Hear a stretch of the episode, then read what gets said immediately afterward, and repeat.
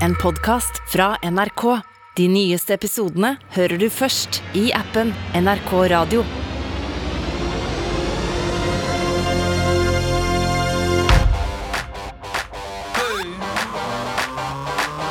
Popkorn og politikk. Med Sean Henrik Matheson og Torkil Risan. Hei! Du klarte tre bokstaver. Jeg, jeg skulle si hei, takk for at du hører på. Hva er det som skjer med helsa? Det hørtes så rart. Nei, helsa sliter jeg med, rett og slett. Jeg har gjort det i ukevis nå. Jeg blir jo ikke kvitt den der forkjølelsen min. Hva du skulle si, sa du? Jeg skulle si hei, takk for at du hører på, og så hørte jeg med en gang at det hørtes rart ut. Jeg klarte ikke å si ordentlig. Du klarte ikke å være uttrykt takknemlighet overfor at folk bruker sin dyrebare tid på deg? Ja, men det er klart Nei, Prøv nei, igjen, dette- prøv igjen. Hei, takk for at du hører Nei, på. nei, nei, Ja, nei. men det får du ikke til! Hei, takk for at du hører på. Det er koselig. Det er fint du har den. Ja, så kom igjen, da. Kjør den. Kjør den. Hei, takk for at du hører på. Takk. Herlighet. Ja. ja, men du, i dag skal vi snakke om sjakk, Sean. Ja, endelig. endelig, endelig. Det skjer jo så store ting om dagen i sjakkverden. Ja, det er helt sikkert. Nå har jo Niemann, han er Carlsen-motspilleren, blitt tatt i å jukse 100 ganger. Det er mye, ifølge chess.com, da, og det må vi jo dykke ned i. Mm. Men sjakk har jo vært et eh, populært redskap å bruke i film og serier lenge før juksing ble det nye som stjal overskriftene her. Eh, og da, hvis vi bruker litt sjakklingo, Mm. mitt første trekk Å ja. er henta fra Seinfeld, eh, og for å fortsette sjakklingoen, så kan jo denne åpningsscenen kanskje kalles en George Gambit. Well, you got no place to go. I'll tell you what your problem is. You brought your queen out too fast. what do you think? She's one of these feminists looking to get out of the house? nah, the queen is old fashioned. Likes to stay home, cook, take care of a man, make sure he feels good. Checkmate.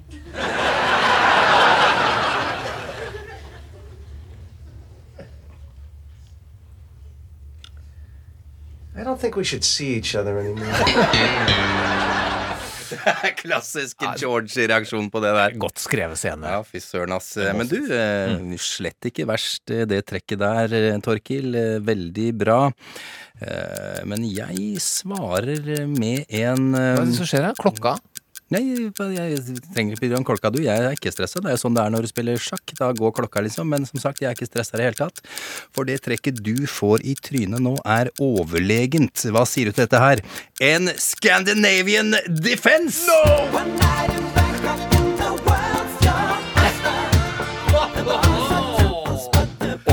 Hør på det her, da.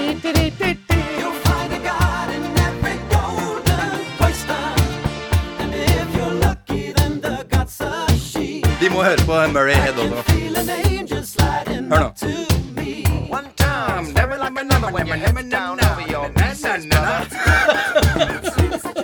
Åh, fy fader, for en låt.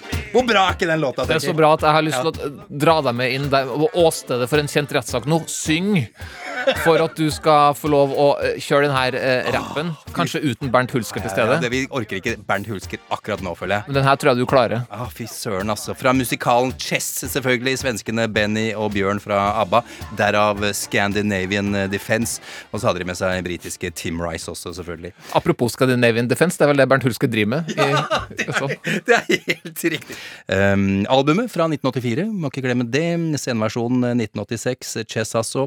Uh, husker du navnene på hovedrollen, hovedrollene, Torkil? Jeg har faktisk aldri sett musikalen. Jeg har bare, jeg har bare hørt musikken. Nei, jeg har ikke peiling. Hva heter den? The American og The Russian. Selvfølgelig. Ja, de har ikke egentlig navn. Hvor kald var ikke den krigen? Den var, Den var bra så- kald, altså. Den var så kald, den. Ja. Jeg kjøpte albumet til fattern i julegave i 1984, da.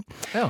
Tror ikke han hørte så veldig mye på Au. det. Ah. Ja, jeg vet men- Tusen takk, Sean. Ja, det var kjipt. Å, jeg ser du bær. jeg Jeg bær på det såret ennå, du. Å, men jeg hørte på det til det blei hakk eh, i plata, bokstavelig bokstavelig talt, altså, så det er greit. Det spilles faktisk nå i Oslo i disse dager, på Folketeatret. Jeg burde virkelig kjenne min besøkelsestid. Jeg vet jo en del om musikalen, for den eh, baserer seg jo tungt på tidenes VM-oppgjør i sjakk. Mm. Eh, russeren Boris Spassky mot Vestens håp, Robert James Fischer, kjent som Bobby Fischer. Oh yeah. Oh yes. På Island, Røykjavik 1972. Verden følger med.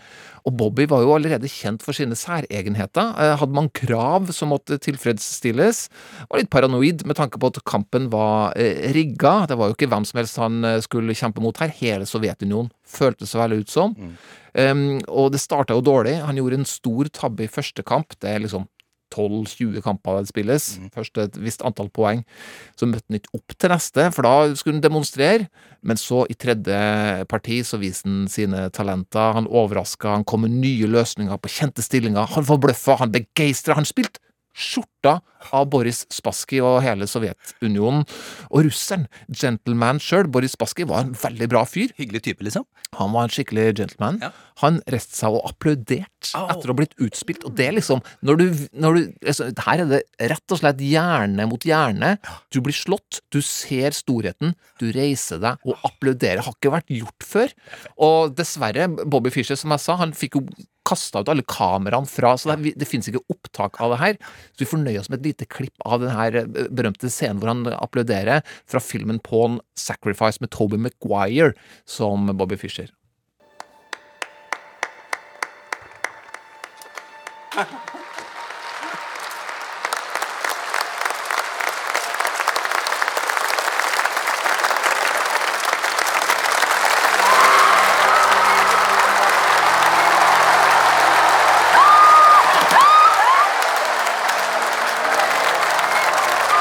Grandmasters never applaud an opponent's victory, but I guess this is something no one has ever seen before. Ja, Et stort, eh, stort øyeblikk i sjakkhistorien, og også litt i det storpolitiske spillet. Amerikaneren Bobby Fischer, ubestridt best i verden. En forestilling av sjakkhistorisk og politisk betydning. Ja, helt eh, opplagt. Jeg fikk frysninger nå, Torkil. Eh, ja, for oss som vokste opp under den eh, kalde krigen, så, så var jo ja, sjakk var jo en del av, av det store bildet. Gjennom nyhetene selvfølgelig, men også gjennom ja, popkulturen. Musikalen chess er jo da et eksempel på dette her. Øst mot vest, russere, ja, eller sovjetere mot resten av verden. Det onde mot det gode på et vis. Lurer litt på eh, det der med Russlands krig mot Ukraina nå. eh, Kan det ha blitt sånn igjen? Det er jo i hvert fall en del av dem som kommer ut som erklærte Putin-tilhengere, så nå, nå får vi jo se det rette ansiktet til flere spillere. Så ja, det føles litt som et mer sånn tydelig skille igjen.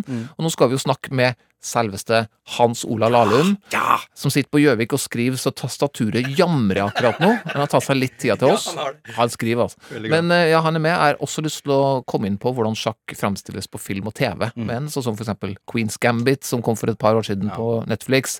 Snakker vi om Queen's Gambit, så kan vi jo komme oss litt i stemning da, inn mot Lahlum her, med et uh, stykke musikk som brukes i den eh, Netflix-serien. Åh, det her er et av mine, et av mine favorittstykker. er nydelig. Nås igjen av eh, Satie. Klarer ikke å høre det uten å bli påvirka. En helt sånn spesiell klang. Det er noe vemod her. Ja, veldig. Åh. Ja, veldig. Det er vakkert. Satie, altså. Fy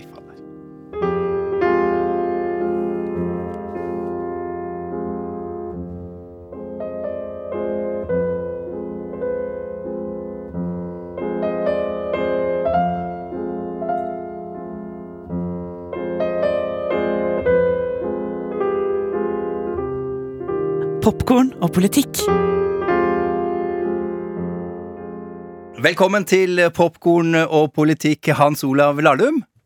Takk for det. Hyggelig å være her. Det er en, en glede å ha deg med oss. Du er historiker, en prominent forfatter av krimbøker og biografier. Du er politiker, men grunnen til at du er her i dag, er at vi skal snakke om sjakk. Du er også en bauta i det norske sjakkmiljøet. Meget habil spiller selv, selvfølgelig. Hans Olav, du, kjapt eh, spørsmål først. Har du på deg din rosa og svarte sjakkmønstrete skjorte nå? Eh, Jeg har ikke på meg den sjakkvesten, nei. Og det er jo en litt trist historie på en måte, fordi eh, det var jo da en gave fra en russisk sjakkvenn for mange år siden. Og jeg satte stor pris på den og har brukt den med glede, men slik situasjonen er nå med krigen i Ukraina og det, så er det ikke naturlig for meg å stille med en russisk sjakkvest i noen sammenheng. Politisk eh, statement, rett og slett, fra deg, Hans Olav, det å ikke bruke denne, med andre ord. Det føles ikke naturlig å bruke en russisk sjakkvest på TV-sendinger og lignende i den situasjonen man er i nå, nei. Eh, De siste ukene så har eh, sjakkverdenen, og egentlig resten av verden også, eh, blitt eh, rystet av det som kan være en jukseskandale. Tidlig i september så trakk Magnus Carlsen seg fra en stor turnering etter å ha tapt for den amerikanske spilleren Hans Niemann. Og nesten med en gang begynte ryktene å gå om at Carlsen hadde trukket seg fordi Niemann juksa. Carlsen fyrte jo opp under disse ryktene selv ved å tweete en eh, kommentar gitt av fotballtreneren José Mourinho. La oss høre. I prefer really not to not to speak. If I speak, I am in, in big trouble. In big trouble, and I don't want to be in big trouble.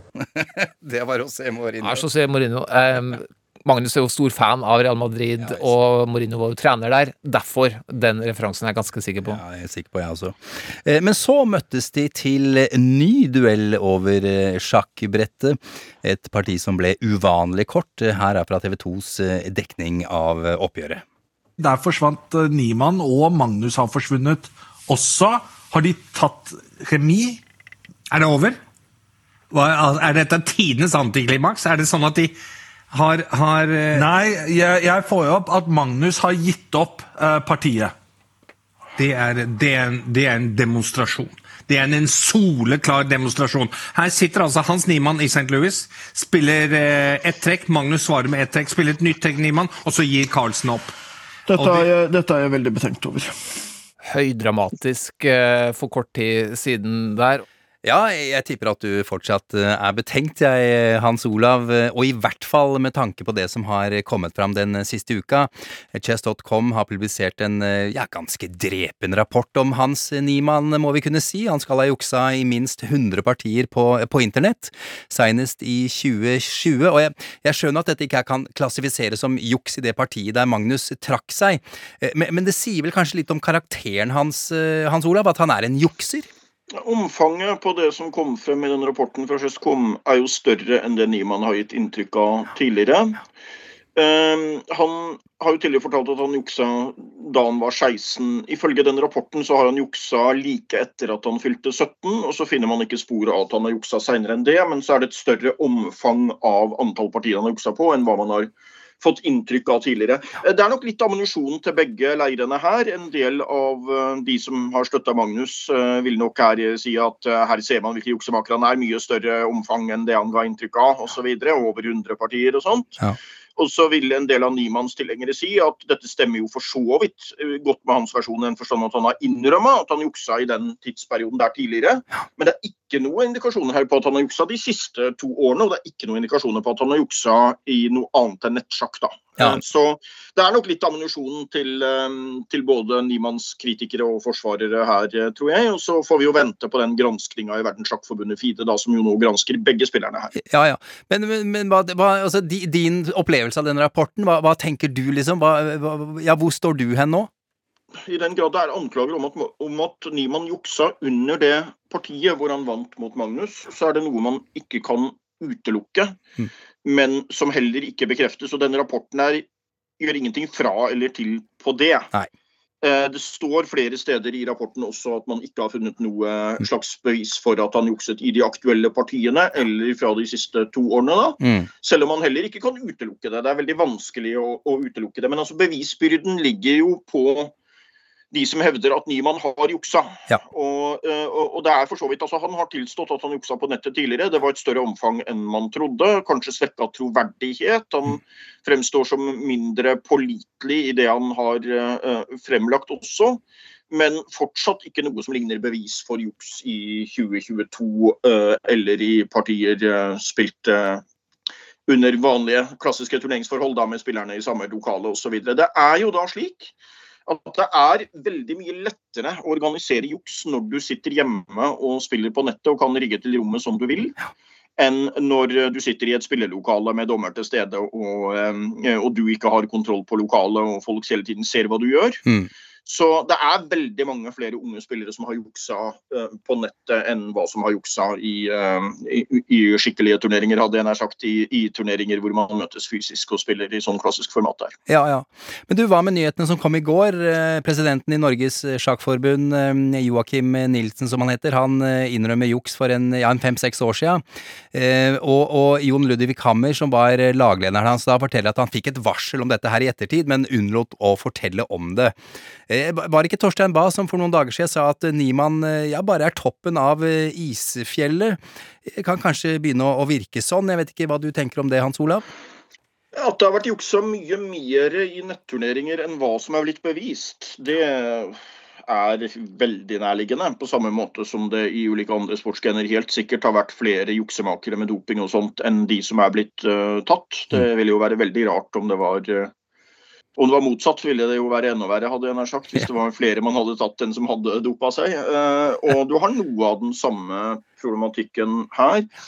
Som jeg nettopp sa, så er det ganske mange unge spillere, dessverre, som på et eller annet tidspunkt, når du sitter hjemme og spiller med, med hjelpemidler tilgjengelig og kan rigge til rommet som du vil, som har juksa i en eller annen sånn situasjon, uten dermed å ha hatt en sånn systematisk juksehistorie, men at man har prøvd det i en eller annen gang. Mm tenkbart hjemmefra og type i alkoholpåvirka tilstand for den saks skyld. ikke sant, At man ville prøve et eller annet og se om det gikk, se om det ble oppdaga.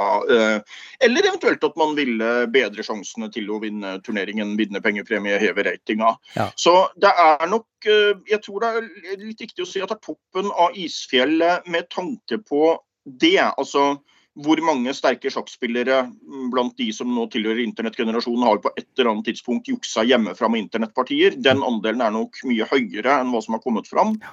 Eh, men så er det spørsmålet da, hvem har tatt steget videre til å jukse i turneringer som er spilt under litt sånn klassiske sportsforutsetninger, hvor du samles i et spillelokale, det går dommere rundt og følger med. Mm. Eh, du er under oppsikt mens du spiller. og Det er klart at det er jo en helt annen øvelse. Men vi har også hatt en bekymring i sjakkdommermiljøet for at terskelen for å jukse og de moralske tersklene på det blir senka når man sitter og spiller hjemmefra, og at noen spillere tar med seg det inn i spillelokalet mm. uh, senere. Da. Men du, uh, Hans Olav, du, du, virker på en måte ganske rolig uh, og analyserende her. hva med følelsene dine? Blir du skuffa? Blir du lei deg? Hva, hva, hvordan opplever du det på, på den måten?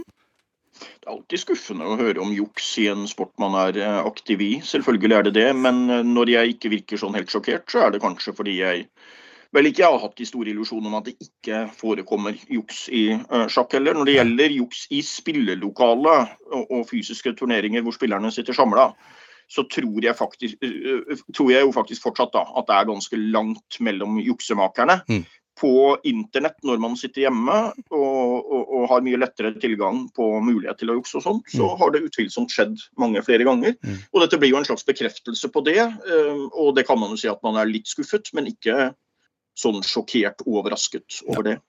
Uh, Hans Olav, nå må du ikke bli sinna på meg her, uh, men jeg bare spør for moro skyld. Har, har du vært frista noen gang, du? Har du liksom tenkt at fader, nå må jeg nødt til, nå må jeg gjøre noe her? har du vært inne på tanken, eller?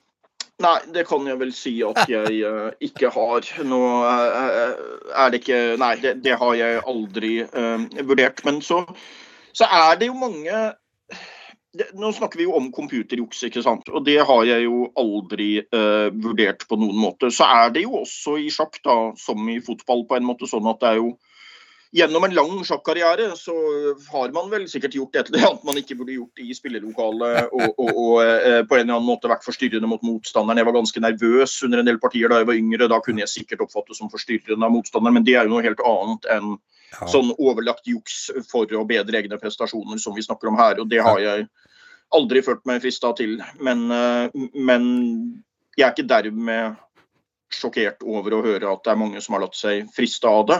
Og så må du huske på at Jeg tilhørte ikke den internettgenerasjonen i sjakken. ikke sant? Jeg satt ikke og spilte på nettet hjemme på gutterommet når jeg var 13-14-15-16 år. Og, og, og, jeg vet ikke hva jeg kunne funnet på da. Jeg håper jo at jeg ikke hadde gitt meg inn på juks under noen omstendighet da, men uh, det er også litt interessant å tenke på eh, på hvilken måte eh, Niemann eventuelt har fått hjelp. Eh, og vi må nesten ha med en, en, en teori som, ble, eh, som vi skal høre ble fremsatt her av Torstein Bae. Niemann eh, skal ha brukt noe som, eh, noe som man kaller for vibrerende analkuler, som han rett og slett skal ha hatt i, i rumpa for å få morsesignaler eh, under spillet. Hvor mye, eh, hvor mye hjelp tror du det kan være i en sånn metode, Hans Olav Lahlum? Ja, nå hadde jo jeg en episode i NRK nylig hvor jeg prøvde å spille et parti mot en eh, som ikke var så veldig god i sjakk, og som spilte med den type hjelpemidler og skulle få råd underveis. Så det tror jeg vi kan si at fungerte i hans tilfelle ekstremt dårlig. Det ble ikke noe særlig god kvalitet på trekken, og dessuten en veldig ubehagelig opplevelse slik det så ut. Man skal likevel være forsiktig med å avfeie sånne tilsynelatende ville muligheter, fordi det går på det et, et sånt hjelpemiddel vil ikke fungere i det hele tatt, uh, tror jeg, for en spiller som er på et veldig lavt nivå og prøver å spille riktig hvert trekk. Men det er det skal lite til med hva du kan få av innspill underveis i øh, eh, Hvis du er en veldig god spiller og kan motta noen form for innspill. La oss tenke oss da at den avtalen man har med en eller annen medhjelper som på en eller annen måte kan få sendt den type signaler, er at hvis jeg har et veldig godt taktisk trekk å spille i stillingen, så får jeg ett sånn støtsignal. ikke sant? Mm. Bare den hjelpen vil være veldig stor, hvis man liksom får vite at nå har du et godt trekk, bare se det godt for i denne stillinga. Så vil man umiddelbart begynne å se på dramatiske, kritiske trekk der. Og bare en sånn hjelp vil kunne være veldig stor hvis vi snakker om en spiller som er på et nivå over 2600, et høyt stormesternivå. Så man skal være forsiktig med å utelukke noe, selv den type øh, spekulasjoner som kan virke litt sånn absurde i, øh, ved, ved første tanke. Eh, Juksing er jo ikke en eh, ny ting, som du så vidt var, var inne på også. Eh, Hvis, vi, hvis, du ser litt tilbake i tid på noen av de største og mest eh, spektakulære eksemplene, eh, Hans Olav, eh, hvilke vil du trekke fram da som, eh, som jukseskandale? I sjakkhistorien så har det vært tilfeller også med stormestere som har vært utestengt for denne type juks. Eh, Igor Rausis, tidligere latvisk eh, stormester som representerte Tsjekkia de siste årene av karrieren sin, var et sånn veldig kjent eksempel på en spiller over 2600, hvor det lenge verserte spekulasjoner, og hvor det etter hvert kom konkret bevis på bordet. På hvilken måte hadde han juksa da? Ja, Man hadde bl.a. bilde av at han eh, brukte mobiltelefonen på toalettet under runden, som er strengt ulovlig, og, og som det ikke er noen særlig grunn til å gjøre hvis man, eh, hvis man eh, ikke jukser. Man har hatt ulike situasjoner, også noen VM-kamper. Kjente matchen mellom Kramnik og Topalov, hvor spillerne jo nekta å ta hverandre i, i hendene i mange år senere fordi eh, Team Topalov da anklaget Kramnik for juks. Det ble aldri eh, bevist noe, og jeg ser ikke noe i ettertid heller som styrker at det var noe juks der. Men det utløser jo da gjerne veldig sterke følelser, da. Eh, Det er eh, selvfølgelig krevende hvis du tror at motstanderen din jukser. Det er også ganske opprørende å bli beskyldt for juks hvis du ikke jukser da. Men man har sett en viss dreining, fordi at i gamle dager når man snakket om juks, så var det litt ulike situasjoner som fortsatt kan oppstå. F.eks. at en spiller kan eh, jukse med at han har rørt en brikke, men likevel ikke flytter den. At motstanderen ikke kan bevise det. altså Den type ting da, som har vært der hele tiden, som fortsatt kan oppstå. Og så var det en del spekulasjoner og anklager om avtalt spill i gamle dager. Altså at spillere som tapte partier mot spillere fra samme nasjon eller en venn fra en annen nasjon osv. Og, og type kjøp og salg av poeng. Og Det var det en del historier på knytta til eh, juks. Men denne computerproblematikken er vel vil jeg si, i hovedsak et 2000-fenomen, og i hvert fall da avgrensa til de siste la oss si, 25 årene. da. Du, Hans Olav, tilbake til den kampen mellom, eh, mellom den første kampen mellom Magnus eh, og Niemann. Er, er det sånn at da Altså, eh, Magnus må jo da sitte og føle og, og at, at Niemann jukser. Er det sånn at han eh, Altså, det sier litt om nivået til, til, eh, til Carlsen, da, at han liksom kan kjenne på at nå, nå vet du hva, det, de trekkene du driver med nå, Niemann, det er ikke du god nok til.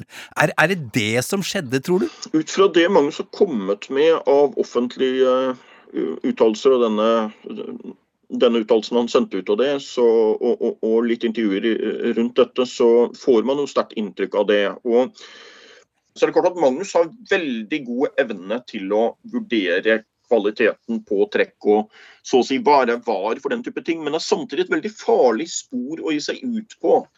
Hvis man skal begynne å bruke den sterkeste spilleren i en turnering som liksom autoriteten på at her må det åpenbart være juks.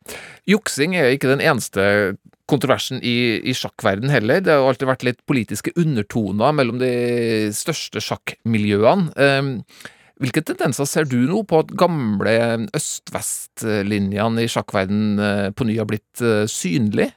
Du får jo nå en veldig dramatisk situasjon med krigen. Russland har angrepet Ukraina. Russland har vært historisk den eh, største og sterkeste sjakknasjonen i, eh, i, i, i eh, Europa. Ukraina er en ekstremt sterk sjakknasjon eh, også. Eh, sånn at der eh, har du jo da en veldig dramatisk situasjon nå, en litt sånn unntakssituasjon pga. krigen. og på en måte har du kanskje fått et nytt, fått en slags gjenopplivning av skillet der, men det som er forskjellen da, slik jeg oppfatter det, er jo at det da i veldig stor grad er Russland og Hviterussland mot resten. da. Mm. Altså Det er ikke den store østblokken som du jo i noen grad så under den kalde krigen, med et veldig stort Sovjet og kontroll videre. Altså Det er i hovedsak de to nasjonene. Og det er også delte oppfatninger eh, blant det. Det er jo eh, også veldig sterke spillere fra Russland som nå type har forlatt landet.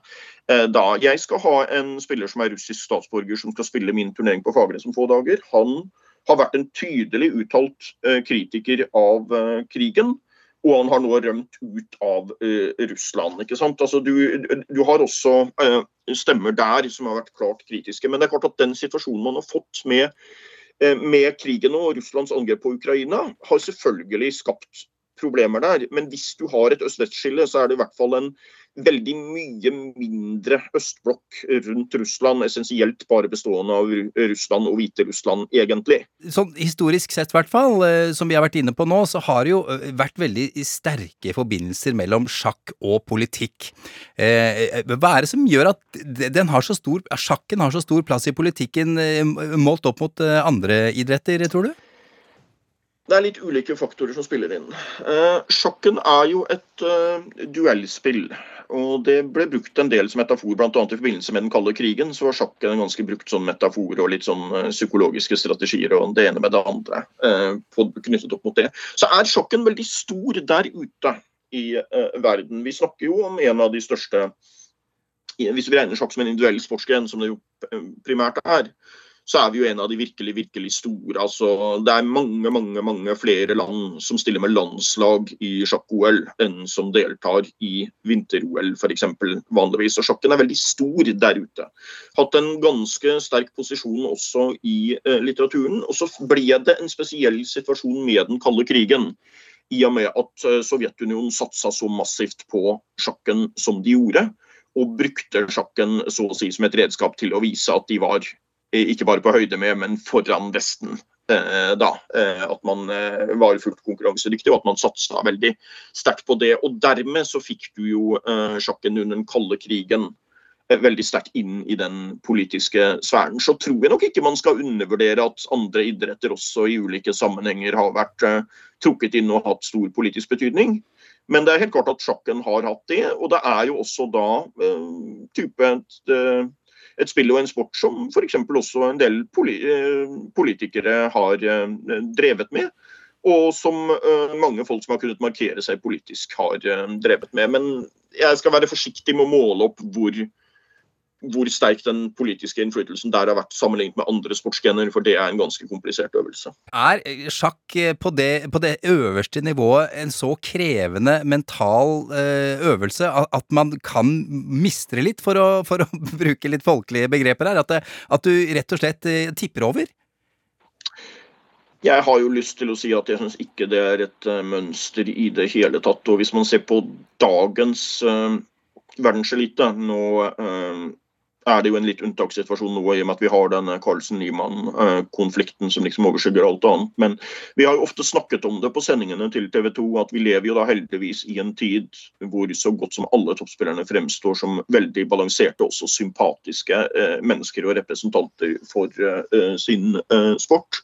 Eh, og det har nok vært eh, verre historisk enn det var, men det er jo også mange historier da med at en del av toppspillerne fra tidligere hadde jo en del veldig dramatiske livshistorier og hadde gått en ganske tøff vei fram. Mm. som, som eh, også gjør at, eh, at forutsetningene der var litt eh, annerledes. Det er jo mange gripende historier der. altså F.eks. Tigran Petrosjan, tidligere verdensmester fra Sovjet på 60-tallet, som hadde vokst opp som et lutfattig barn i periferien av det sovjetiske imperiet. Eh, Hadde måttet kjempe seg hele veien opp, og så ble han jo da KGB-informant og en riktig maktmenneske når han satt der på toppen, men det var jo da en lang vei opp dit som kanskje kan forklare noe med hvordan det ble slik det ble. I Ja. dag så har jeg lyst til å si at jeg oppfatter alle, hvis du ser på spillerne som er oppe på, eh, på topp fem, topp ti i verden, så fremstår det som det er klart det er jo ekstreme konkurransemennesker, da, men de fremstår likevel som, eh, som, som eh, harmoniske og sympatiske mennesker i det alt overveiende. Og her i Norge så er jo sjakkinteressen veldig høy om dagen. Mye av grunnen helt åpenbart eh, Magnus Carlsen, men også at det stadig siver inn gode populærkulturelle produkter eh, hvor sjakk er et viktig element. For eksempel eh, for to år siden da denne serien Queens Gambit eh, kom. Vi kan jo høre et eh, lite klipp fra den eh, serien. Son of a bitch. I think that's it. No, I can get out of this. I don't think so. Maybe, if you'd gotten here on time.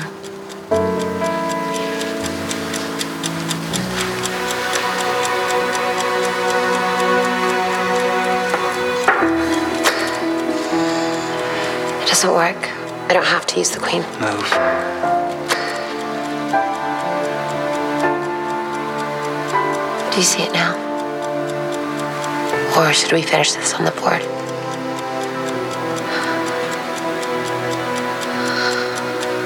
Son of a bitch.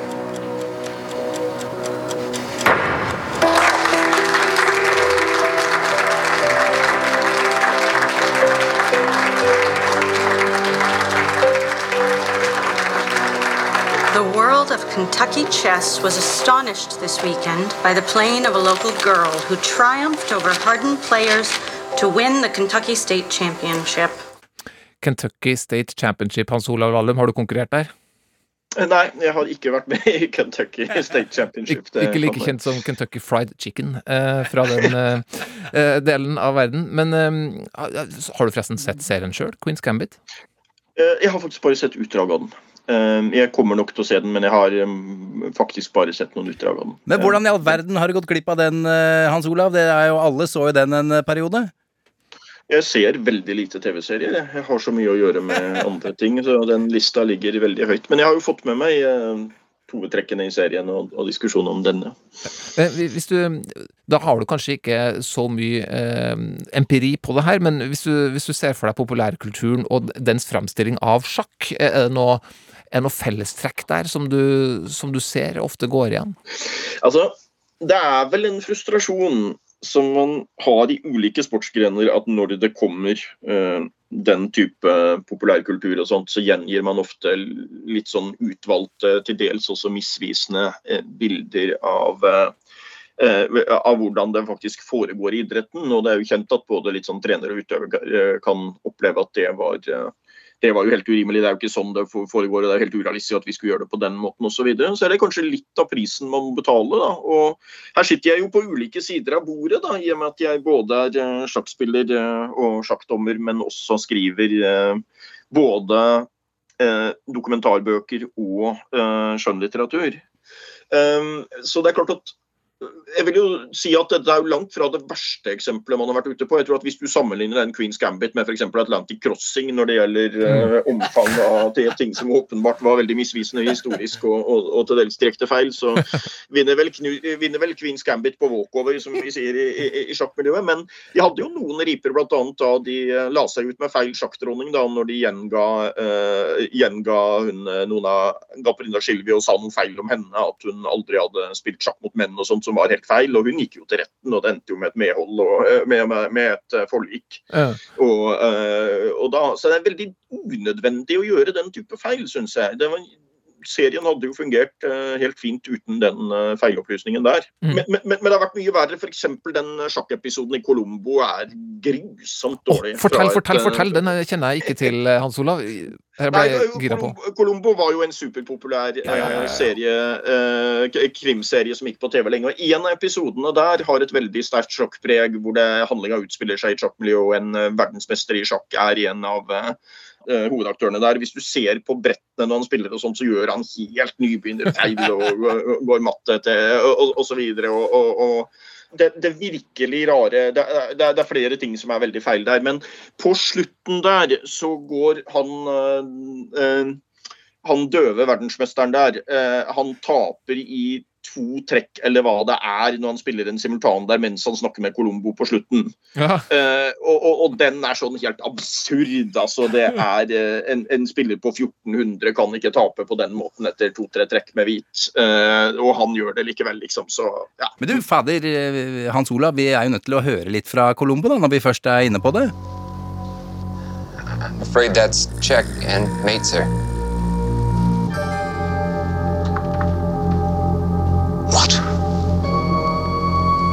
Guess a foolish blunder could happen to anybody. Ja, det, det, det er ikke den beste Colombo-episoden på noen måte, selv om det er sjakktematikk der. Man skal være veldig glad i sjakk for å hevde at det er en spesielt bra Colombo-episode. sånn sett. Det eh, hører, hører med til historien at Peter Folk, som spilte Colombo, var, var veldig interessert i sjakk. Eh, så sånn sett så burde han jo også klart å, å gjøre det litt mer realistisk. Den Colombo-episoden skal jeg virkelig sjekke ut, Hans Olav. Bare helt til, til slutt her, eh, så, så har jeg veldig lyst til å stille deg bare et kjapt quiz-spørsmål. Mm. du ble jo et subjekt i en eh, i Andeby, i en Donald Duck-episode i 2014, eh, da Donald Duck laga en historie med deg og Magnus Carlsen. Klarer du nå å eh, komme på hva ditt figurnavn var i Andeby? Ja, jeg het eh, Fjas Olav Blad Bladum. Eh, og, og, eh, eh, og, og Magnus het Max Puls Klarsyn. Eh, Du, for en, for en, ære, for en ære, Hans Olav, å, å, å være en del av Donald Duck-universet. Jeg tror det Jeg leste jo mye Donald en periode når jeg var barn. Ja. Til dels også eh, Jeg husker jeg, eh, jeg var en av de første i klassen som kunne lese, så jeg satt og leste Donald for eh, jevnaldrende barn. Og, så husker jeg, og det er klart at Hvis noen da hadde kommet inn og fortalt at du kommer til å bli en uh, figur i Donald en gang i fremtiden, så hadde vi vel sett ganske skeptiske ut, tenker jeg. Nei da, det, det, det der tar jeg med veldig eh, Det tar jeg med veldig godt eh, humør. Det var, eh, det var, det, det var morsomme episoder også. også. Hans ja. Olav eh, Lahlum, tusen takk for at du tok deg tid til å være med i Popkorn og politikk. Ja, nå må jeg få skrevet litt her. Ha det bra.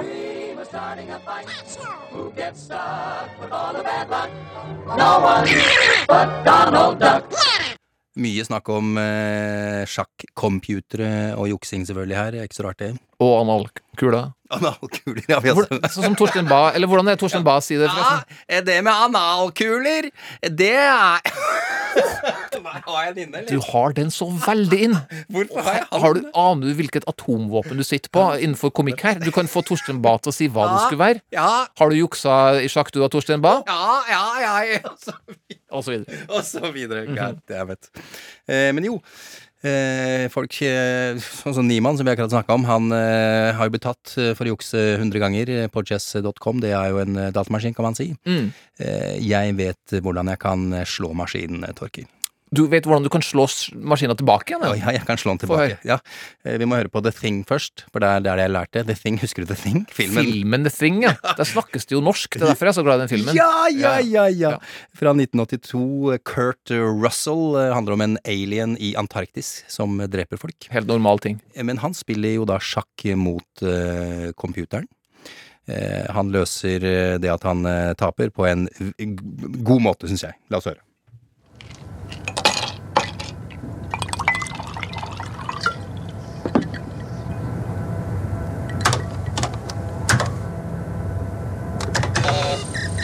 Your move, bishop to knight four.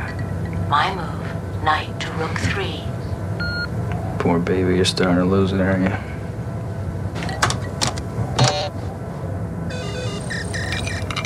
Your move, king to rook one. My move, rook to knight six. Checkmate. Checkmate.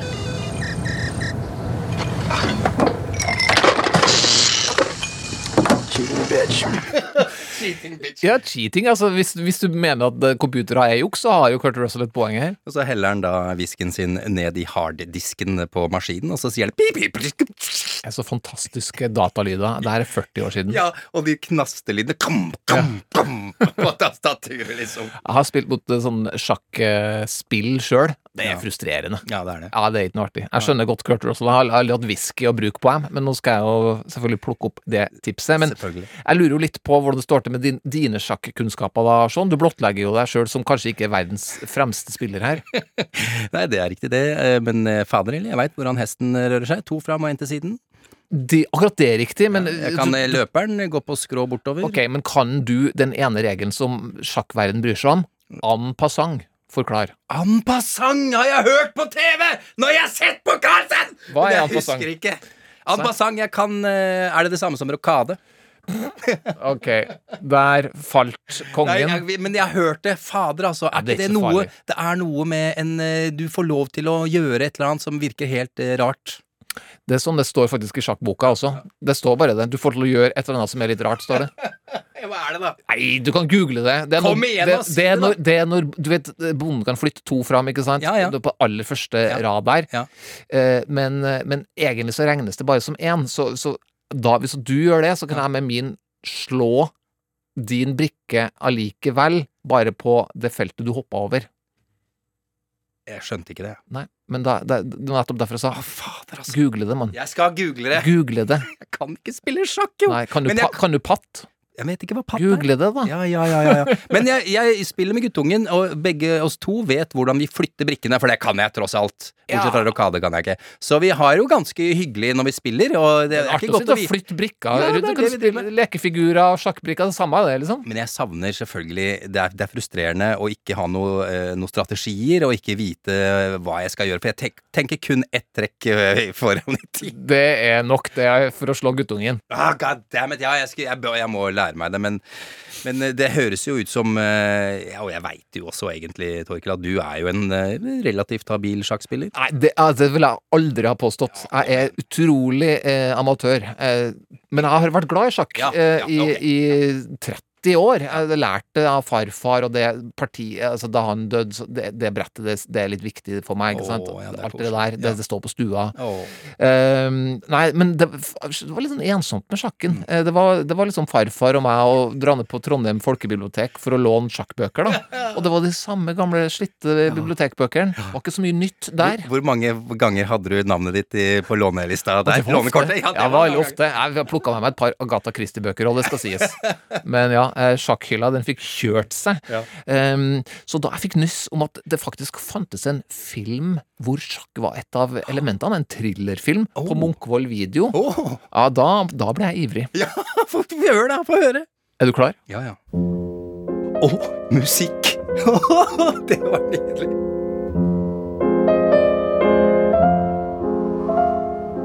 Det var kaldt i Trondheim januar 1993.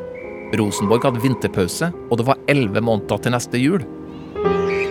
Kalde fotballfriminutt på skolen, traske hjem med snøbløte snowjogger til fotballsidene på tekst-TV, gutterommet med Fantomet og slitte sjakkbøker. Det var den koselige og forutsigbare hverdagen.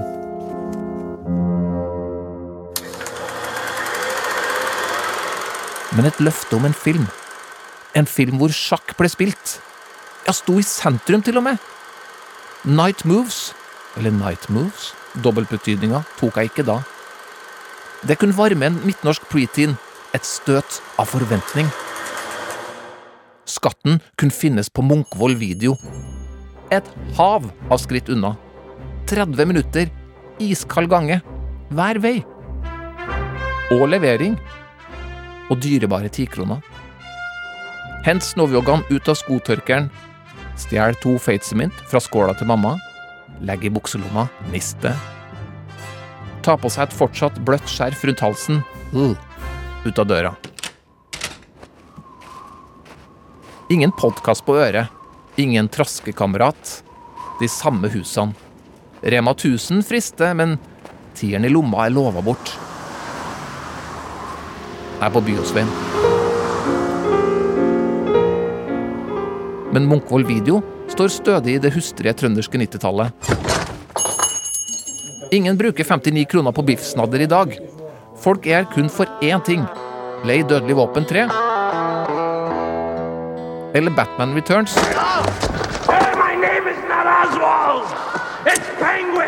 Bortsett fra en tolvåring. Han som egentlig ville hett Bobby. Han har bladd gjennom katalogen og funnet Night Moves bakerst i en av de rekkene med filmer som sorterer under andre filmer. Christopher Lambert spiller hovedrollen i denne sjakkthrilleren som det koster to ukelønner å leie, inkludert fem viskelær og fem skolekritt i godteposen. Turen hjem føles dobbelt så lang. I put a spell on you.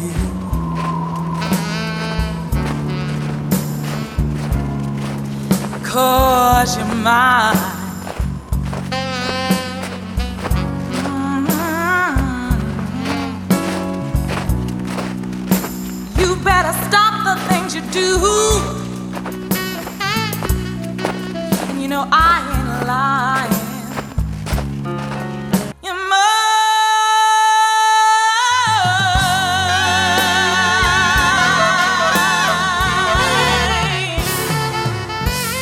Popkorn og politikk med Sean Henrik Matheson og Torkil Risan.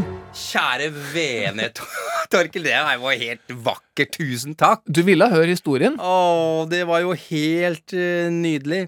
Det som jo er litt artig, er at uh, jeg så denne filmen du snakker om, Night Moves, Nei. i går kveld. Nei. Ja. Var, det, var det Night Moves, eller var det ah. Night Moves? Var... Det, det var en blanding, det er helt riktig. Det var en uh, dobbeltbetydning der.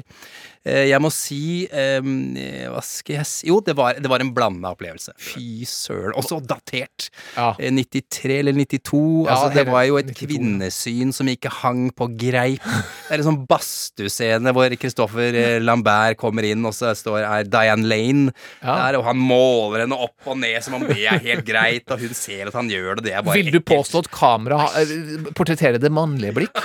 Det skal jeg love deg. Det var ingen brannfakkel å kaste. Det er sånn fornøyd. Jeg har jo faktisk en lyd av. Vil du høre på det? Ja, åh. I always wanted to learn how to play chess. Seems like such a complicated game. Well, not really.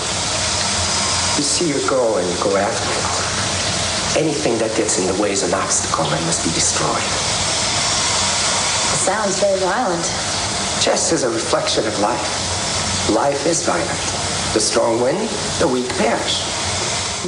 En ordentlig cheesy Lydkvalitet. Ja, det er helt Oi, men det er det samme som Bayesen. Det var helt sinnssykt. Også Nei, det var dårlig skuespill. Daniel Baldwin, en av Baldwin-gutta er med, Den liksom. verste Baldwin-broren. Ja, men han var, det, var, det var så dårlig, liksom. Og Christopher Lambert han er jo ikke verdens beste skuespiller, han heller. Nei, han var jo ikke det største catchen i 1992 engang, så det, og tida har gått. Men uh, ja, jeg Ja. så den for deg, Torkil. Takk ja, for at du, god. Vær så god. at du så noe. Jeg skjønner, Man skal jo aldri trekke opp sine gamle Altså, filmer som av en eller annen grunn hadde stor betydning, for det hadde den jo på grunn av det jeg har forklart. Selvfølgelig. Men jeg skjønner jo at den filmatisk kanskje ikke lever opp til forventningene. Men altså. litt pussig at um, selv i det klippet der, så er de inn på det her symbolikken med sjakk. Ja. Altså the reflection of life, ikke sant? The life is violent. Ja, og det her med å bruke eh, sjakk som metafor, det er, skjer jo hele tida. Mm. Symbolikken er jo tung i sjakk. Det hvite mot det svarte, gode mot det onde, døden. Mm. Selveste Ingvar Bergman har jo filmen Det syvende seil Mm. fra 1957. Kanskje ikke det aller første eksempelet på hvor, eh, hvor sjakk blir brukt symbolsk, men jeg vil påstå det viktigste, Ja, ja, og det mest parodierte. Du har Max von Sydow som ridder blokk, møter den sortkappekledde døden, eh, spilt av Bengt Ekeroth, men det visste du. Mm, ja, selvfølgelig. I perioden under svartedauden her, Blokk vil utsette å dø, så han foreslår et parti sjakk. La oss høre. Vänta ett ögonblick. Så säger ni alla. Men jag lämnar inga uppskov. Du spelar ju schack, inte sant? Hur vet du det? Ja. Jag har sett det på målningar och hört i visorna. Ja, jag är verkligen en ganska skicklig schackspelare. Du kan ändå inte vara skickligare än jag. Varför vill du spela schack med mig? Det är min sak. Det har du rätt i. Villkoret är att jag får leva så länge jag står emot. Spelar jeg deg matt, förger du meg. Du fikk svart. Det passer jo best så. Sant? Ja, hører du. Det her är Jettebra! Ja. Hvilken, eh, altså, t- hvilken farge tror du døden fikk i dette spillet? Eh, må jeg fått svart, håper jeg? Åpenbart. Selvfølgelig. Det passer jo bra. Ja, Ja, syns, herlig. syns du det var litt teater på film? Ja, jeg syns det, men det var koselig. Dette er jo, går for å være et av de store mesterverkene innen, eh, i filmen, gjør det ikke det? Torgeir? Absolutt, Ja, ja, ja. absolutt. Eh, Det er, og ja, som sagt, et tydelig eksempel på sjakk eh, brukt som, eh, som bilde i film og serier. Eh, ofte som eh, i stridslignende situasjoner. Brikkene representerer ulike kvaliteter i figurene i filmen eller serien. Mm. Veldig tydeliggjort også i The Wire, eh, en av dine favorittserier, regner jeg med, Sean. Ikke si det, du veit at jeg ikke har sett den. Jeg Altså, har. Si det en gang til. jeg har ikke sett The Wire som Helt en av veldig få. Ja, jeg veit det. Herlighet, du trenger en popkulturell intervensjon. Jeg. Hvis jeg bare kan skrape sammen nok folk til å gjøre det med deg. Ja, men kona mi har sett den, og vi ser alt sammen. Vi holder på med det fortsatt, og det er jeg veldig glad for. Det er ikke sånn at vi sitter er på hvert vårt rom med hver vår pad, så vi sitter i sofaen hver eneste kveld, holder hender, det er ikke tull engang, og så ser vi på en serie sammen. Det er mer verdt enn å se The Wire! Punktum. Punktum! Ja, ok. Eh, Altså, det der, alt det der med liksom sånn vi har et godt forhold Gult kort for forholdsskryt, men det er greit. Jeg syns jeg fortjener etter ti år sammen! det ja. veldig, veldig, veldig. Det, jeg synes det er megakoselig, det, den- det dere holder på med, og det, det mener jeg. Eh, Men eh, nå er det kanskje tida over for å faktisk at du må begynne å se det også, men det er et hull. Det, Ja, ja, det jeg er lov å påpeke. Eh, Du skal i hvert fall få høre et klipp fra The Wire hvor du får både spillet sjakk forklart, men også hvordan eh, gangsterbusiness, eller dopbusinessen, fungerer i praksis. Det er da D'Angelo som forklarer to doplangere som er helt på bunnen av hierarkiet, eh, hvor deres plass er. Eh, Hør godt etter. See this? This the kingpin, alright? And he the man. You get the other dude's king, you got the game. But he trying to get your king too, so you got protected. But the rest of these motherfuckers on the team, they got his back. And they run so deep, he really ain't gotta do shit. Like your uncle. Yeah, like my uncle. And you see this? This the queen. She smart, she fierce. She move any way she want, as far as she want. And she is the go get shit done piece. Remind me of Stringer. What about them little bald headed bitches right there? All right, these right here, these are the pawns. They like the soldiers. So how do you get to be the king? It ain't like that. See, the king, stay the king. All right? Everything stay who he is, except for the pawns. Now, for pawn, made all the way down to the other dude's side, you get to be queen. And like I said, the queen ain't no bitch. All right, but if I make it to the end, I'm top dog. Nah, yo, it ain't like that. Look, pawns, man, in the game, they get capped quick. They be out the game early. Unless they some smart ass pawns. Ah, det var veldig flott. Eh, Kan, apropos det siste han sa der, pawns, they get hit quick, eller hva de sier. Ja, De dør jo først på når du spiller sjakk, Ja, ja. og sånn er det også i dopbransjen. Det er jo en, eh, en velbrukt metafor for at du sender de mi- minst verdt først. Men som de også sa i det Wire-klippet, så kan de, hvis de er som small ass pawns, så kan de jo forvandle seg til noe vakkert på et eh, punkt. ikke sant? Hvis du når siste rad på brettet sånn, det her kan du, så kan du velge å bli dronning. Ja, det visste jeg! Ja. En av bøndene kan bli Ja, ja, ja. ja, ja. Det her metaforen blir veldig sterk, da. Og, og bare for å fullføre The Wire, så, så får jo også denne metaforen en forløsning i selve serien. Mm. Snakker jo om dem som er konge og dronning litt i det her dopuniverset, ikke sant. Mm. Eh, Når de på toppen sirkles inn av politiet, så er det en scene hvor alle politimennene, kledd i mørkt, Mm. svermer rundt og omringer de to største og viktigste eh, brikkene, kledd i hvitt. Å, det er vakkert, da. Det er vakkert, og det er jo Ja, sjakk, sjakk er jo vakkert, jeg skjønner jo det. Sjakk er et vakkert spill, eh, og eh, det estetiske jeg tror jeg også er viktig, en viktig årsak til at det ofte blir brukt i eh, filmer og serier. Queen's Gambit. Jo, en serie jeg elsket og fikk lyst til å spille mer sjakk da jeg så den, selvfølgelig. Ja, Beth Harmon var det vel hun het, Ja. i figuren da i Queens Gambit. Hun var jo veldig glad i piller. Det Ja. må vi kunne bare si fra Nei, det- veldig ung alder. De pillene virka helt sjuke, forresten. Herregud. Ja. Apropos juks, ja. Altså, Ja. Kanskje det ble noe sånn, ja. Utvida sinnet på litt sånn ulovlig vis, til og med. Ja, det får en si. De, de så helt uh, ville ut. Og så, så det er nå én ting, rusmisbruk, eh, men og det der med psyken, som jo er vel litt sånn Jeg vet ikke om det er en myte, men det snakkes jo om det i, i, i, sjakken, at de er litt gærne, liksom. Ja, Det snakkes jo om det, og det finnes jo mange eksempler på sterke sjakkspillere som har eh, bekka over. Eh, kanskje mest eksem beste eksempelet er jo nevnte Bobby Fischer. Selveste. Ja, eh, jeg var jo så fan av eh, Bobby. Jeg, jeg, jeg spurte jo faktisk om eh, å få lov til å bytte navn til Bobby Risan. Det er så nydelig. Og Bobby Risan! Det er jo helt nydelig! Ikke, det skal jeg begynne å kalle det herfra og inn. Vær så god. Eh, Jeg kan jo anbefale både dokumentaren Bobby Fischer Against the World, og også da filmen Pawn Sacrifice. Toby Maguire spiller Bobby. Jeg har et lite klipp fra Pawn Sacrifice. Her er en sint allerede som veldig ung eh, på They. Det er litt sånn det uavklart hvem de er, men det fins folk der som jobber mot den, og her er det fordi han i ung alder ikke fikk lov å sette en, eh, en rekord. Bobby, wait. We'll go back inside and apologize. You can still play swell. What are you talking about? This was it. What do you think I've been working the past 10 years of my life for? I was going to be the youngest world champ in the history of the game. That's over now. They stole it from me, Carmine. They took it. That was today. Today. Vanlig det å skylde på they, Ja, når det liksom når butter litt. Rann. Ja, de, de, de er skyld i mye, de folkene. Og det er jo trist med Bobby Fischer. Etter den historiske seieren i 1972 så spilte han nesten ikke sjakk på 20 år. Eh, veldig få offisielle, i hvert fall. En uoffisiell verdensmesterskap eh, skjedde da i 1992 mot den samme som i 72, den her russeren, gentleman, Boris Baski. Da vant jo også Bobby Fischer.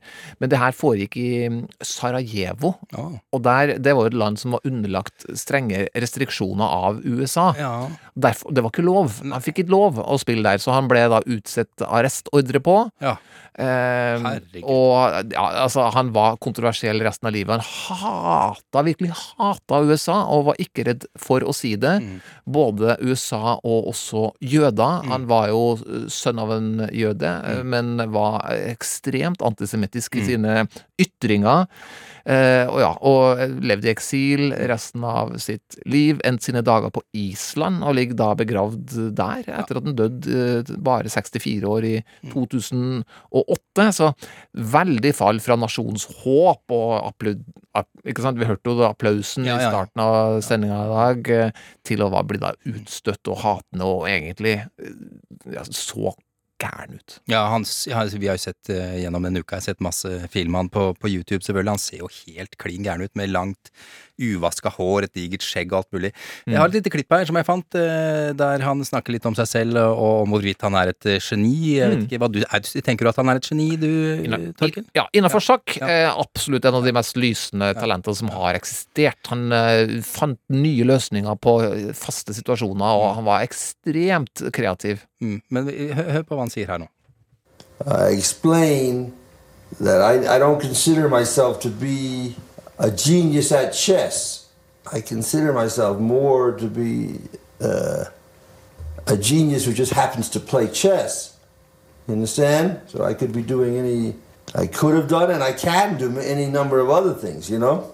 Ma- Maybe I should. I should. I should have gotten into acting uh, uh, or whatever a long time ago, you know? Han burde blitt, han burde blitt skuespiller. Skuespiller, det, Ja, ja, det det, talentet hadde ikke jeg nødvendigvis sett sjøl. Han, lik, han liker jo ikke at det var så mye faste åpninger, så han pleide ofte å gjøre helt vanvittige ting i starten som ingen andre før hadde gjort, for at folk skulle komme ut av forberedelsene sine. Å ja, mista det. Det er bra finte, da. Ja, det er kjempefinte, men du får jo ofte da litt sånn Du kommer jo litt etter i tempo, som det heter Ja, ja, ja. på sjakkspråket. Eh, ja, du sa det. Han var jo, men han var jo ikke bare på kant med USA heller, eh, Torkil. Også med Mm. da eh, sjakkorganisasjonen eh, Ja, i FIDE. Ja, ikke sant? Fédération Internationale de Chèque. Oui, oui. det er jo en fransk forkortelse. Mm. Mye styr og politikk på toppen av sjakkverden. Lederen mellom 1993 og 2018 er jo en episode popkorn og politikk for seg sjøl, egentlig, Mm. av denne organisasjonen. Kirsan Ilyumchinov fra Altså, en republikk som høres oppdikta ut. Kalmykia. Mm. Hva har du på Kalmykia? det har jeg aldri hørt om. Det er et eh, Donald-navn, ikke sant? Ja, ja. der, er han, der er han fra. Eh, han ble jo styrtrik i årene etter at Sovjetunionen ble oppløst. Den her eh, Kirsan, uklart hvordan den formuen ble tjent. Oligarkaktig, liksom? Ja, ja. Eier privatfly, seks Rolls-Royce, en Hummer, sånne ting.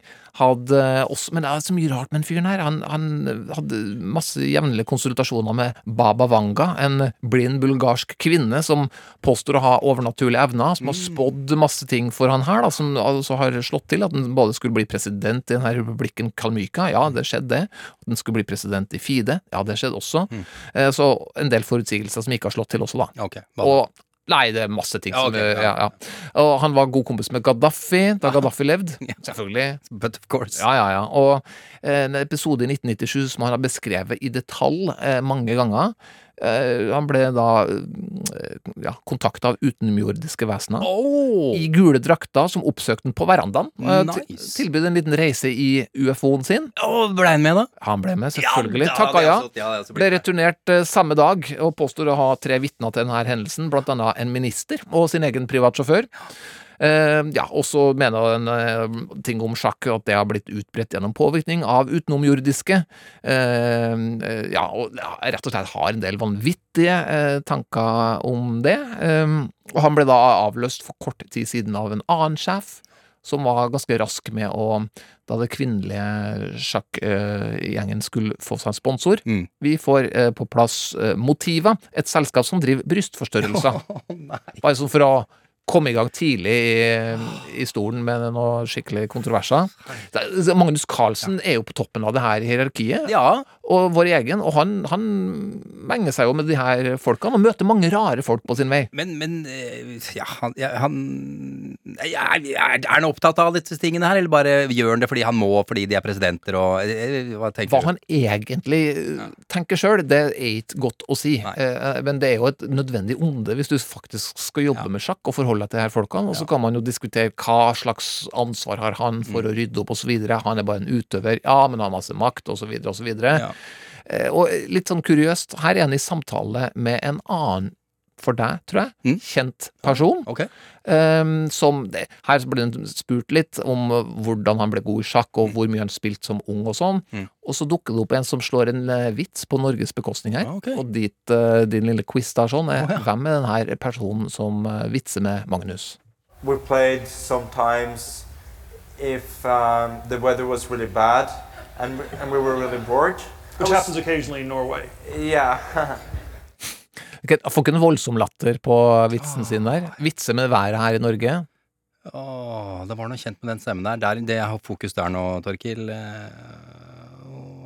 Det er noe kjent Jeg, jeg føler at jeg kommer til å si 'Å ja!' selvfølgelig, når du sier det, men jeg, jeg, jeg vet ikke. Det der var ingen ringere enn verdens nye superskurk, Peter Thiel. Å, var det Peter Thiel som vi snakka om forrige uke? Ja, Oh ja, my ja. god! Sjakkspilleren Peter Thiel. Han eh, fikk jo en time med Magnus Carlsen og intervjua han. Ikke et, ikke et dårlig intervju, vil jeg si. Peter Thiel er habil, og han setter jo selvfølgelig pris på en ener, han, ikke sant? Som ikke har noe mye skolegang, som eh, Magnus er jo selvlært, og alt det der. Dyrke egoene, Mm. individet, osv. Så, videre, så han elsker Magnus Carlsen. Var, er ikke Peter Thiel stormester, eller på om han er det? Jeg tror ikke han er stormester. Nei, kanskje ikke stormester, men han er veldig, han er veldig, veldig god, da, for å si det sånn. En av de beste, Han liksom. har grusa meg, i hvert fall, og veldig mange flere. Så ja, jeg vet faktisk ikke hvor god han er, men ja, der fikk du litt eh, Petter Thiel i dag også. Er det sånn, eh, Torkil, jeg bare lyst til å spørre deg, eh, du som jo er spiller sjakk, ser du litt ned på meg som ikke er så god i sjakk? Gjør du det? Nei, overhodet ikke. Er du sikker på det? er det, hva, er det en Nei, jeg slags bare har- eh, jeg- hypotese du har? Ja, det er en hypotese om at, eh, at folk som spiller sjakk er litt sånn der høye på seg sjæl. Og at de liksom ja, ja, men jeg er så intelligent, jeg har så høy IQ, jeg, så, så jeg spiller sjakk. Å, du gjør ikke det, nei, ja, nei, nettopp, ja, ja, stakkars. Er det jeg Her har vi en ny humorfigur på gang. Det er ikke- Kanskje vaktmesteren eh, Eller Mossanivå ennå, men Oh eh, my god, nei, Ja. nei, men eh, jeg vet ikke, er det kanskje bare jeg som sliter litt med selvtilliten? Jeg har ikke det peiling. finnes sikkert eh, folk av den der typen også, men sjøl så har jeg bare alltid syntes at jeg var litt utafor som var glad i sjakk. Men nå har det blitt såpass vanlig at uh, det er ikke så utafor lenger heller. Nei, jeg vet ikke. Nei, jeg tror ikke det. Det du sier. Nei. Ja, altså På filmer og sånn, så er det sånn, er det sånn der skurkene Oh, you want to play chess, you don't play chess Så holder de på sånn, liksom. Ok, ja. Uh, I noen filmer. De dårligste av dem. Kanskje de jeg har sett. Ja. Fader, altså. Torkil, eh, jeg fikk eh, tårer i øya av å høre eh, One Night in Bangkok eh, i starten av episoden. Ja, det var deilig. Jeg lurer på om jeg skal eh, Kan jeg få lov til å følge opp med en av mine andre favoritter fra albumet Chess? Absolutt. Jeg kjenner bare One Night in Bangkok, jeg. Er det mulig? Du må ha hørt Ja, du har hørt den som kommer nå. Og nå kommer jeg, jeg hvis jeg fikk tårer i øya i stad, så kommer jeg til å strigråte nå. For den sto jeg Og jeg skrudde jeg, Som sagt, fattern hørte ikke så mye på albumet. Jeg, hørte mye på det. Skrudde opp til elleve! Oi! Det var bare der Spinal Tap sine høyttalere går. ja, og fattern sine. Mm. Eh, og, og sang så høyt jeg kunne, eh, selvfølgelig. Eh, Tommy, svenske Tommy Kjørberg som, eh, som synger.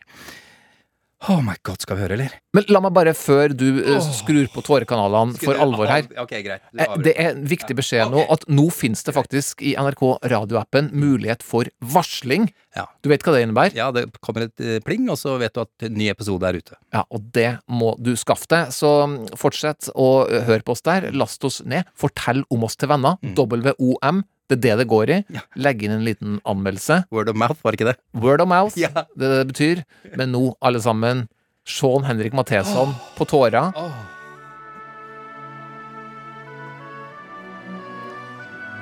Kjenner du den igjen, Torkil? Ikke ennå. Kom igjen.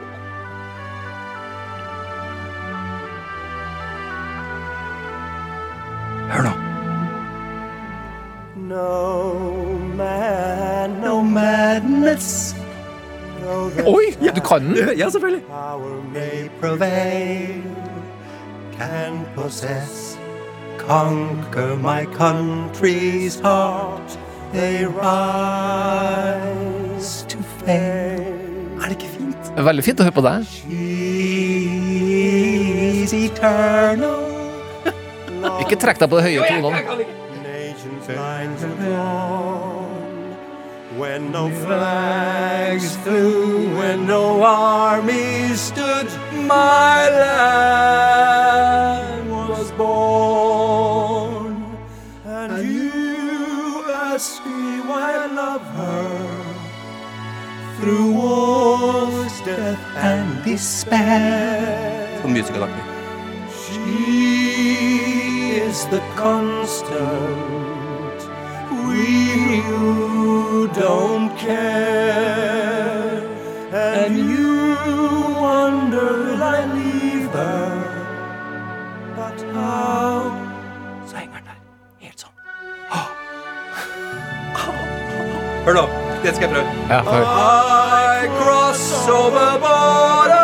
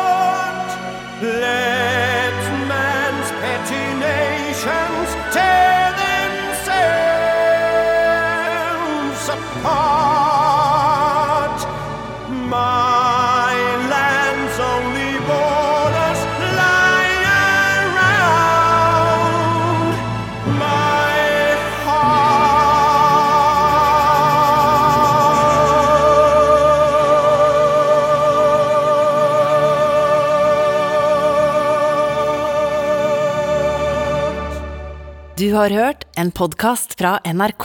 De nyeste episodene hører du først i appen NRK Radio. Etter andre verdenskrig starter en ny epoke. Den kalde krigen mellom øst og vest, mellom USA og Sovjetunionen. Hvis det kommer noen over grensen, så skal dere skyte dem. Vi så jo enorme kolonner. Det var stridsvognsavdelinger. Mange lever i frykt for full konflikt mellom supermaktene. Foreldrene mine var redd, og de gjorde meg redd. Flere ganger opp gjennom etterkrigstida er det nære på en ny verdenskrig. Da fikk jeg beskjed om at nå er han kommet. Med nordmenn og norske hendelser i sentrum. Det, det er den største raketten vi har skutt. I think it was the most dangerous moment in the nuclear missile age. Tre fortellinger om da verdensfreden sto på spill. Andværinga tenkte det samme som meg. Oh shit! Da Norge var i kald krig, hører du først i appen NRK Radio.